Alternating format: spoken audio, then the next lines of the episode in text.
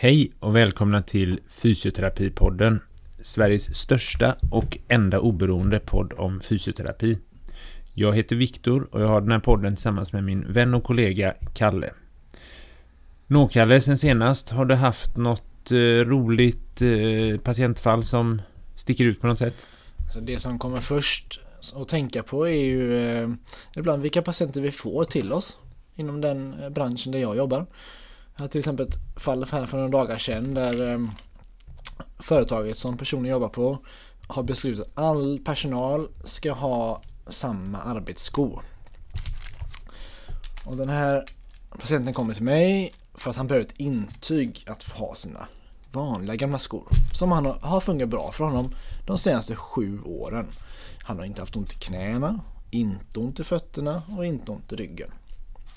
Men nu har företaget beslutat att alla som jobbar på det här stället ska ha samma arbetsskor. Och när han då provar och arbetar med de här ett par månader så får han ont i fötter, knän och rygg. Det största problemet verkar inte vara att skorna är obekväma per se eller dålig dämpning och så vidare. De är för små. De trycker på framfoten. Ja, ni vet ju själva det, man stoppar i, stoppar i foten i en Nike-doja. Det är inte alltid bekvämt alltså. Och då behöver han så komma till mig för att få ett intyg på att han ska ha sina skor som funkar bra för honom i sju år. Jag skrev på intyget, ja, skorna är för små. Rekommenderar därför annan sko till patienten. Ehm, så, så, så, kan vardagen se ut ibland, men man undrar lite ibland. Det borde gå att sköta enklare. Den fakturan är väl inte väl investerade pengar av företaget? Det kan vi diskutera en annan gång. Eh, Viktor, har du någon, hänt något spännande på jobbet för dig? Ja, jag har väl haft en lite mer eh, positiv spin får man väl säga på patienthistoria. Jag hade en, en dubbelamputerad man, eller ja, han var underbensamputerad sedan fyra år tillbaka, haft protes och gått bra och sen fått en andra amputerat även andra benet, underben. Och ah, när han kom så var det lite så här, jag får väl erkänna att jag var lite skeptisk till undra hur det här ska gå. Och, han var jäkligt positiv och ville verkligen men fick tas med lift i början och så vidare. Men sen fick utprova sin protes så småningom och kom igång jättebra. Efter mycket hård träning kunde han faktiskt komma hem till sin bostad. Och sen nu i, ja, för två veckor sedan så kom han på besök till eh, korttidsboendet för att hälsa på mig efterhand för att visa hur bra det har gått. Och det är kanske är två månader någonting sedan han skrevs ut. Och då kom han gående med kryckor som han sen när han såg mig för att stila lite släppte och gick utan kryckor. Förutom att jag höll på att få en hjärtinfarkt direkt när han släppte dem. Jag tänkte helvete ska den här två meter långa mannen tvärdyka framför mig nu.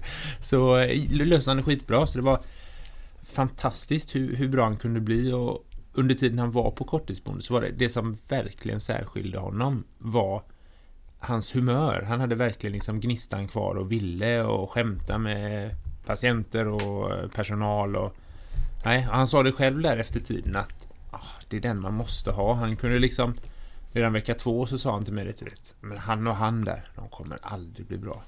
Ah, hej, vad, vad tänker du på då? Tänkte jag, han sett hur de haltar. Och så här. Nej, de har gett upp, vet du. Det är färdigt för dem nu. Men han, han kommer kunna bli bra för han har fortfarande lite geist kvar. i Det.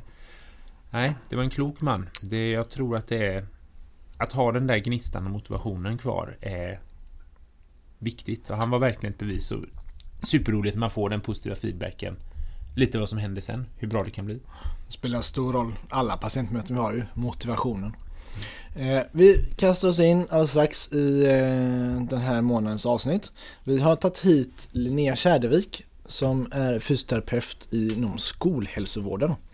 Och anledningen till att vi fastnade för henne var att hon var en av de, om det är tre eller fyra tror jag, som blivit nominerade till Årets fysioterapeut 2019. Och av kandidaterna så var hon där helt klart den som stack mest ut med sin unika arbetsplats inom skolhälsovården. Så eh, ja, håll till godo med god lyssning. Kom ihåg att gilla oss på Facebook, Instagram, Soundcloud, vi finns där poddar finns. Och kom ihåg en sak till. Fysioterapiden, Fysioterapipodden är Sveriges största podd om fysioterapi. Hej Linnea och välkommen till Fysioterapipodden. Tack så jättemycket. Det är väldigt roligt att ha dig med. Du har ju bland annat blivit nominerad till Årets fysioterapeut.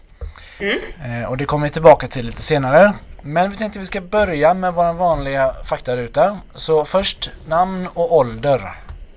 Jag heter Linnea Kärrvik och jag är 26 år gammal. Och varför valde du att läsa till fysioterapeut? Jo, eh, egentligen är det väl tack vare min kära mamma. eh, och eh, alltså jag har alltid varit intresserad utav kroppen och hur den fungerar och vad som händer, eh, vad man själv kan göra också. Eh, om någonting händer eller vad händer i kroppen och allt sånt där har jag alltid haft intresse för och idrott. Eh, men visste inte riktigt vad jag, hur jag kunde jobba med det. Men sen så kände jag väl att ja, men, ja, men fysioterapeut kanske är någonting efter att min mamma har påpekat det några gånger sådär, eh, hintat om. Så eh, då blev det att jag sökte in och testade eh, och på den vägen blev det. Anledningen till att vi skrattar lite är för att du är inte den första gästen vi har här som berättar att det var mamma som inte var låter men som med fast hand styrde åt rätt håll. Ja, exakt. eh, när var du färdig med utbildningen? Eh, jag tog examen 2017, så två år sedan lite drygt. Jag tog okay. på sommaren eller våren eller man säger. Yep. Och var läste du någonstans? Jag läste i Västerås. Okay. gjorde jag. Okay. På Mälardalens högskola. Yep. Och var jobbar du just nu? Jag jobbar på Malmaskolan i Kolsva i Köpings kommun. Mm. Eh, och det som vi ställer till alla gäster och som några har och några inte har. Någon vill dela med sig och någon vill inte dela med sig av. Har du någon pinsam dråplig patienthistoria? Vill du höra min så kan du ta avsnitt ett. Jag satte, ja. jag satte ribban lite för det. Ja men det är nog bra. Alltså jag, jag, alltså jag vet inte. Men jag, jag var med om någonting för jag var ju på fysioterapikonferensen som var förra veckan i, i Stockholm och då så skulle jag eh, träffa ja, men någon social, eller en, någon, jag vet ju vem det var, en socialpolitisk strateg eh, och hälsa. Och du vet det här när man alltid ska, det här med att hälsa, om man har haft mailkontakt och sen så ska man träffas i verkliga livet och det här med att hälsa i hand eller göra liksom tjenis eller liksom sådär. Ja, det är väl lite svårt. Men vi hälsade och sen så pratades vid och sen så när vi skulle gå och säga hej då så liksom håller hon upp handen så här bredvid sin kropp, liksom som att vinka av mig på något sätt. Eh, varpå att jag liksom tar upp min hand och liksom tar tag i den och liksom så här börjar alltså så här, hälsa hej då med handen, alltså skaka handen liksom. Så det blev lite, ja ni vet när man bara gör helt fel. Eller så här chocken som kommer liksom så. Det var det blev tråkigt det Du tog inte tag i henne och gav henne, gav henne en kram eller så tänker jag? Nej, det, det blev inte, nej men jag kände som att hon gick in för så här, en hälsning men bara att den var lite högt upp eftersom att hon vinkade, hade handen typ i huvudhöjd och jag liksom går upp med handen upp så och drar ner armen typ och hälsar. Så att ja, det blev lite intressant. Ja, det men det gick bra. Ja. Hur många härliga filmer som helst där någon ska high-fivea och går in för en high-five och blir, blir nekad high-fiven och den här. Hur många sekunder hänger man kvar och vad för det var ju Pluras kök så han kör spikoven efter sådana där. Och där lämnades jag hängande som ett löv på förnedringens träd. ja men det är alltid sådär, hälsningar är ju lite jobbiga. Det kan de ju vara faktiskt. Kramen eller handskapningen liksom. Och jag tänkte för att komma tillbaka nu till ditt jobb på, på skola. Ja. Det är ju ett väldigt unikt fält får man säga. Jag har nog aldrig pratat med en fysioterapeut som jobbar på skola. Så att, tänkte börja med att, att, fråga vad, alltså beskriv dina arbetsuppgifter idag. Vad är det du gör och hur kan en vanlig arbetsvecka se ut?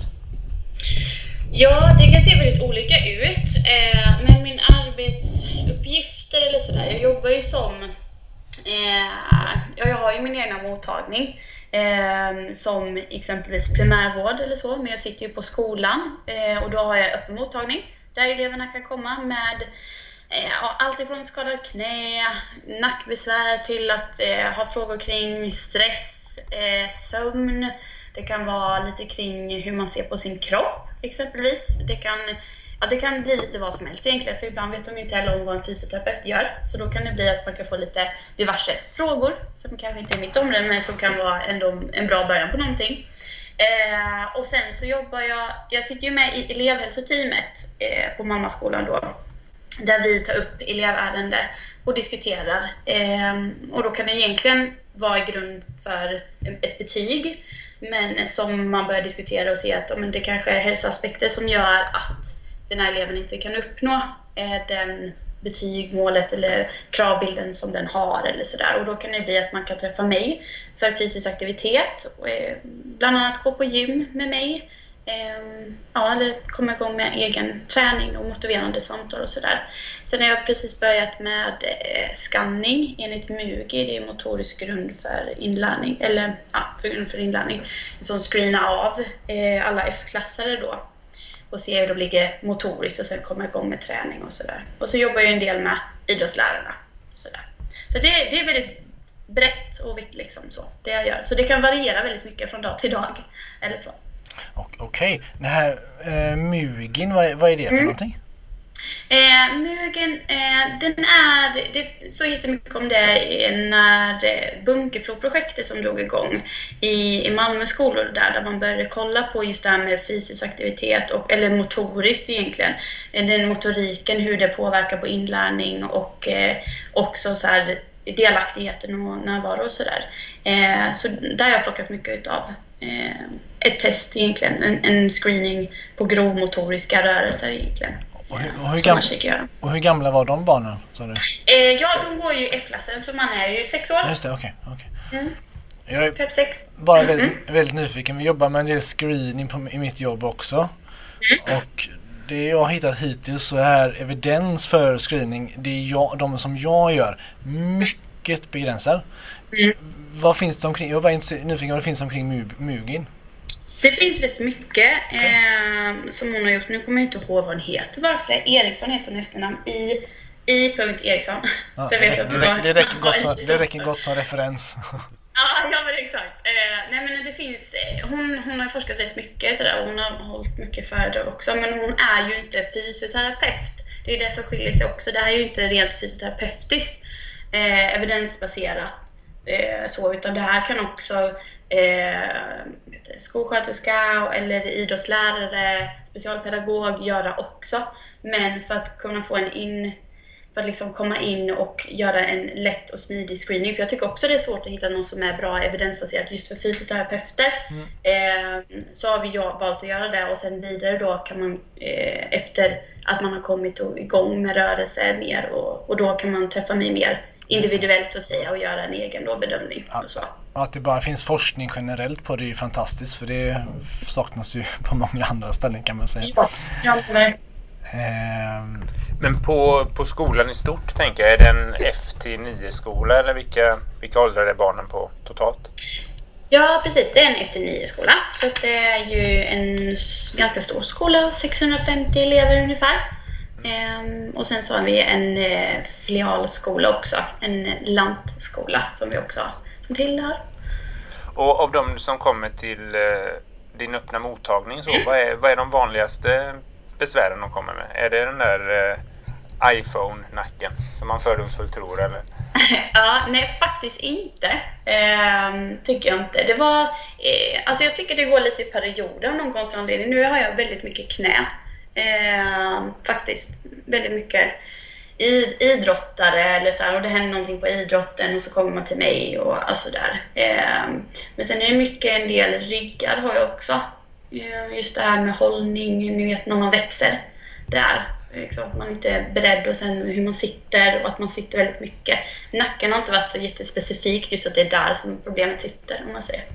Intressant för det pågår en stor, stor debatt där om är det verkligen farligt med iPads och iPhone och hur ska det gå mm. för ungdomen nu och så vidare. Så det är väldigt skönt att höra dig säga att det är inte bara iPadens fel att barn får ont i nacken. Utan det kan vara andra Nej. saker också. Mm. Jag funderar lite på de här som du, när du sitter med omkring betyg och så vidare. Mm. Uppfattar jag som att de, de som kommer till dig då som patienter, de vill inte vara hos dig egentligen. Är det rätt uppfattat? Eh, nej, det skulle jag nog inte säga. För oftast om jag får utifrån elevhälsoteamet då, ja. eh, för då är det ju oftast lärare som kommer in och diskuterar elever och där kan de ju komma in på en viss, alltså man har oroat sig över en elev, bara en känsla liksom att nej men den hänger inte med på lektionen nu, varför då? Liksom så. Eh, och som då kan kurator kopplas in eller skolsköterskan eller jag nu då eh, och liksom ha ett samtal och ofta så, eh, så uppskattas det. Jag, det är väldigt få jag vet inte om jag har, nu har jag ju bara jobbat där sedan i januari visserligen, men jag har inte mött någon som har varit motstridig eller absolut inte vill. Nej. Jätte... Alltså vill, liksom så. Det är bra. Det är bra, för de är all, mm. alltid kanske de svåraste patienterna av alla, så det är, det är jättebra. Mm. Men hur har, för jag tänker fysioterapeutens roll i det här skolhälsovården och det teamet mm. är ju väldigt ny. Hur har alltså skolsköterska, specialpedagog, ja, mm. alla andra i teamet, hur har de eh, tagit emot det eller hur ser de på fysioterapeutens roll i det? Mm. Eh, jag och skolsköterskan jobbar jättenära. Eh, så. Och det har jag tagit emot jättebra. Jag kan ju underlätta hennes jobb ganska mycket också genom bara att ta men alla de här som droppar in att om en, med en eh, akut skada eller sådär, det kan jag ta direkt eh, som är rör rörelsestödjande organ istället för att hon, hon ska ta, ta den delen. Eh, och man kan också prata där, bara hälsosamtal så. Eh, man har ju stor hjälp där. Eh, men eh, sen tycker jag att de andra är ju också... Det var ju, tog ju lite tid innan man liksom hittade vilken roll man skulle ha också i teamet såklart. Eh, som att det är nytt. Men absolut att de tar emot det bra och man kan... Eh, man utmanar varandra genom att liksom kolla vad, vad är din uppgift, vad är min uppgift och sådär. Och det, det driver ju det framåt också. Och se. Och hur är det med det? Alltså att, att det inte är så många fysioterapeuter i skolan vet vi, men mm. vet du hur det ser ut? Är du den enda i Sverige eller är ni några stycken? Eller? Mm. Eh, jag vet ungefär att det är en handfull eh, fysioterapeuter som jobbar inom eh, skola. Då. Eh, men sen så tror jag att det är väldigt få som jobbar eller snarare att jag, jag har inte kommit i kontakt med någon än eh, som jobbar så som jag gör, för jag jobbar ju bara på en skola och det är det som skiljer sig åt ganska mycket. Annars kanske man jobbar mer mot en, inom en kommun och då behöver man kanske nischa sig mer mot ett område, exempelvis motorik. Eh, eller kanske bara mot särskola eller och så vidare. Eh, för att liksom hinna med. Eller så. Så det, är lite, det gör ju det. Min känns ganska unik. Eller så. Men sen tror jag att det finns många konsultföretag också som man hyr in. Och de, de vet jag inte om så jättemånga eh, heller faktiskt. Men ja. Mm. Och vad är det roligaste tycker du med att jobba inom skolhälsovården? Det roligaste jag tycker är väl att man eh, är där, där det händer. Alltså man är ute man kan ju liksom se saker och ting som händer på skolgården som sen kommer upp direkt till mig. Eh, eller att man, eh, de springer in direkt från idrotten när någonting har hänt. Eller, alltså man, har, man är på plats där allting händer. Eh, och man träffar eleverna varje dag. Vilket också är en jättefördel. Man får en helt annan liksom, relation och kan få ut ganska mycket av det också. Eh, och sen att man jobbar med barn och ungdomar och sådär, det tycker jag är jättekul. En rolig patientgrupp.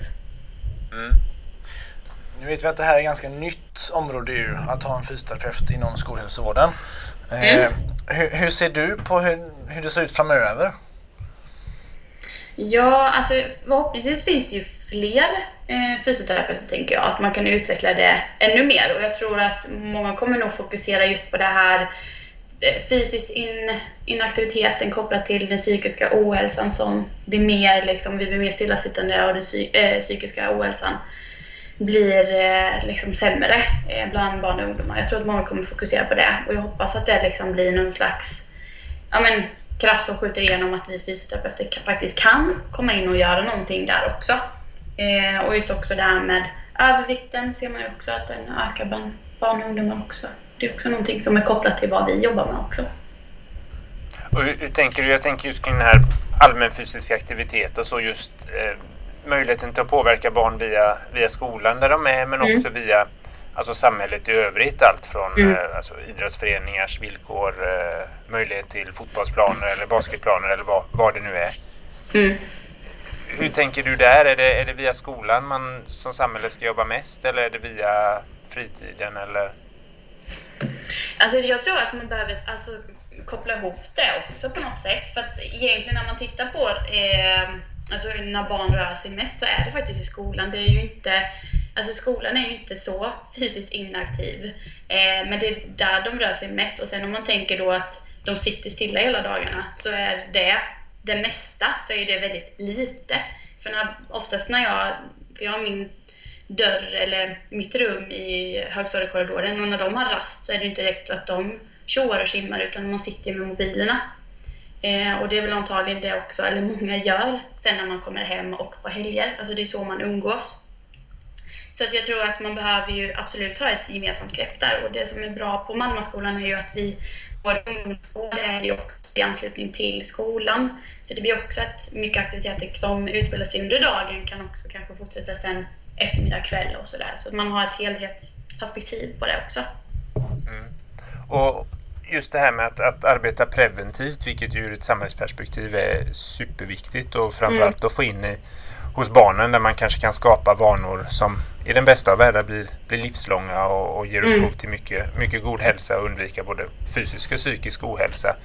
Eh, mm. jag tänker att när man, när man läser om det här och hör diskussioner kring prevention så diskuterar man ofta om är vi fysioterapeuter de som ska göra det här preventiva arbetet eller är det andra yrkesgrupper. Alltifrån, eh, mm. ja i det här fallet kanske gympalärare eller mm. hälsocoacher eller elevassistent, elevassistent eller vad det nu mm. kan vara. Att, är det just vi fysioterapeuter som ska jobba med det här förebyggande? Hur, mm. hur tänker du kring det?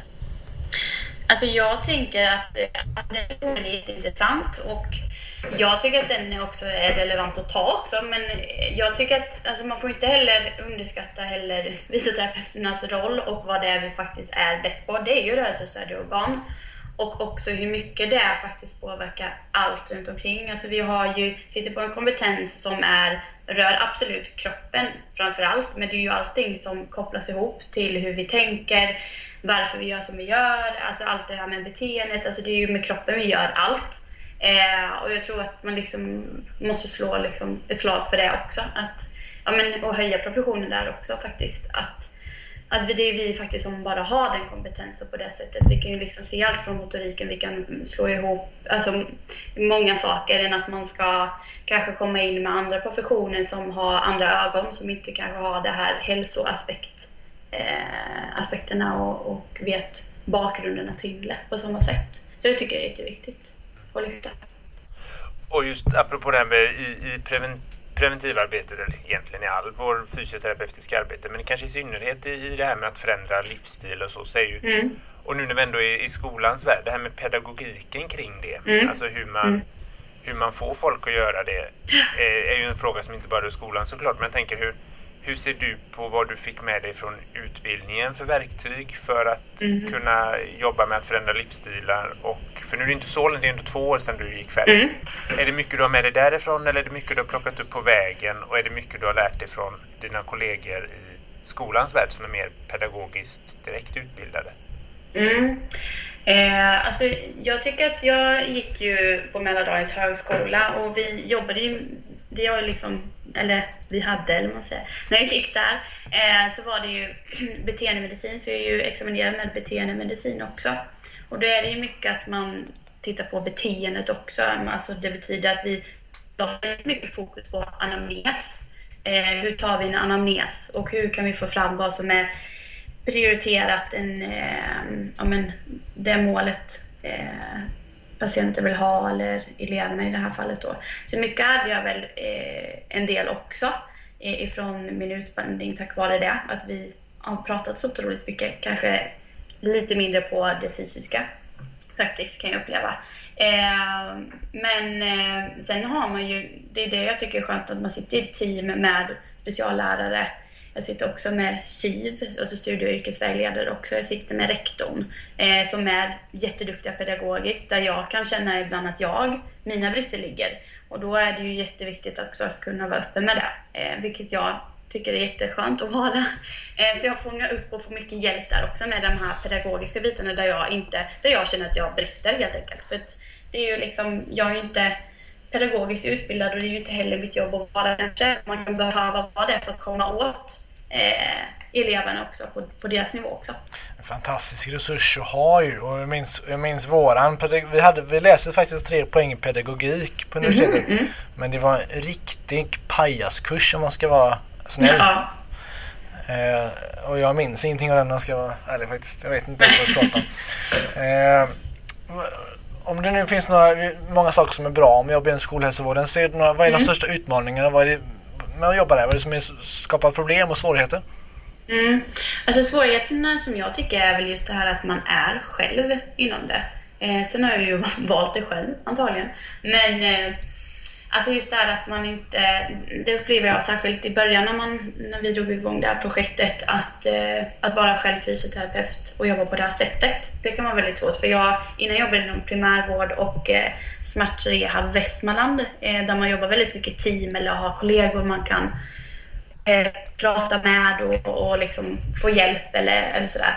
Så det, det var liksom den största utmaningen och jag tycker fortfarande att det är en utmaning. Eh, att man är själv och liksom verkligen får stå upp för vad, sina egna idéer och sådär. Men jag har ju några jag kan kontakta och sådär. Eh, eh, fysioterapeuter som jobbar inom skolan och så som jag ändå kan få eh, ja, men, tankar och idéer kring och sådär. Så man inte alltid behöver uppfinna hjulet eller veta, särskilt när man inte har så jättemycket klinisk erfarenhet som, som jag då, om man säger. Och vi var inne lite där på vilken respons du har fått från, från de andra teammedlemmarna, att den har varit väldigt mm. god. Och jag tänker att nu som nu när du var på fysioterapidagarna och sådär, mm. när du pratar kanske med mer ja, folk som sitter lite högre i beslutsfattarkedjan och så. Mm. Jag antar att det är många mm. som är intresserade här och inte minst mm. efter nominering. Vilken, vilken respons tycker du får av dem när du pratar och presenterar vad du jobbar med? Eh, alltså jag får bara positiv respons. Eh, absolut. Det är ju, man är lite utav en pionjär liksom i i området också och det är ju jättekul att det uppmärksammas på det här sättet och det är bara positivt än så länge som jag har, fått liksom så. Eh, om man är mer, om man är nyfiken, hur kan vi liksom bygga upp det här eh, och att det sprids liksom. Om du hade varit i en sån position att du till exempel chef för skolhälsovård nationellt eller högt uppsatt politiker som hade hand om de här frågorna. Mm. Vad hade du velat ändra på då tror du? Vad hade du gjort då? Eh, ja, alltså jag hade ju velat få in mer fysioterapeuter. Det, är väl det jag hade velat få in. Alltså att, och sen få eh, utveckla det arbetet också. Eh, så att man har ja, men, rätt människa på rätt ställe. Liksom. Alltså att man får dit fysioterapeuter på, på skolor, liksom, så känner jag. Och som sagt, vi, att vi bjöd in det här var ju att vi, vi tittade på att du hade blivit nominerad såg vi till, till Årets fysioterapeut. Vad, mm. Berätta, vad, hur gick det till och vad, vad tänkte du när du fick höra det? Eh, ja, jag fick väl, jag fick ett mail. Eh, fick ett mail helt plötsligt där det stod att Hej Linnea, jag kontaktade dig för att du är nominerad till Årets fysioterapeut. 2019. Eh, så det blev jättepaff. Jag fattar inte. Jag trodde liksom att, eller jag fattar inte att det var någon, jag fattar att det inte var någon som drev mig med, med mig. För att det var ju någon så professionell eh, visitkort eller lite sådär med. Men, men det kändes lite sådär, men va? Vad är det här? Eh, så jag blev jättechockad. Eh, och sen när chocken hade lagt sig så blev jag superglad. Eh, så det var en jättehäftig eh, resa. Så. Eh, så det var ett jätte jättekul och sen så eh, fick man ju reda på det nu eh, förra veckan. Eh, vem som vann och sådär. Så det har varit en jättespännande resa. Måste ställa frågan, hur kändes det då när du inte vann? Alltså, jag är ju lite av en prestationsmänniska. är ju jag, och en tävlingsmänniska. Eh, men eftersom att det inte var jag som skickade in nomineringen och jag har inte gjort någonting, gjort någonting för det, tycker jag då, fast jag är om jag går och jobbar, eh, så eh, blev det inte lika tungt som jag trodde att det skulle bli om jag inte vann. Eller så. så att, eh, och sen är man ju jätteimponerad utav av vinnaren såklart. Liksom sådär. Så att, nej, jag, ty jag tycker att, liksom att min dåliga det, det där sista, det där sista, det där sista ja. du inte, men det var en stor ord Alla som är nominerade är väl vinnare på något sätt. Men det är också skönt att höra att eh, en viss... Eh, jag hade nog också haft en stor dos besvikelse när jag satt det tror jag. Mm. Bara av Jag har ju varit i samma situation och jag svor och kastade saker omkring mig, ska jag erkänna. Mm. Så det, är- jag är imponerad, djupt imponerad. Mm, tack. Ja, och med de orden så vill vi egentligen tacka så jättemycket för att du var med Linnea här i Fysioterapipodden. Och eh, jag tänker att vi kanske återkommer om eh, några år när vi ska höra hur den nya planen för fysioterapi inom skolhälsovården ska implementeras och du sitter med i någon, någon grupp som utarbetar den eller sådär. Ja, absolut. Det tycker jag ni ska göra. Du är en, pin- du är en pionjär som, som sagt och det är alltid, alltid intressant att följa. Har du någonting sista som du vill lägga till? Nej, nej, inte nu så här direkt. Kommer jag inte på någonting jättebra. Men en jättebra eh, podd liksom. Kör på. Tack, alltid kul att höra. Så, tack för att du ville med och eh, kom ihåg, ta inte trappan, ta hissen. Det är mycket enklare. Det är bra Linnea, Ha det fint. detsamma. Tack. Hej. Hej. Tack, hej. Det var allt för den här gången från Fysioterapipodden. Kom ihåg att likea oss på Facebook, Instagram, Soundcloud, iTunes. Vi finns där poddar finns. Och nästa avsnitt kommer om ungefär en månad. Hör gärna av er med förslag till oss. Vår lista är lång på saker vi, vi vill beta av. Men vi tar tacksamt emot förslag också. Fysioterapipodden är fortfarande Sveriges största och enda oberoende podd om fysioterapi. Hej så länge!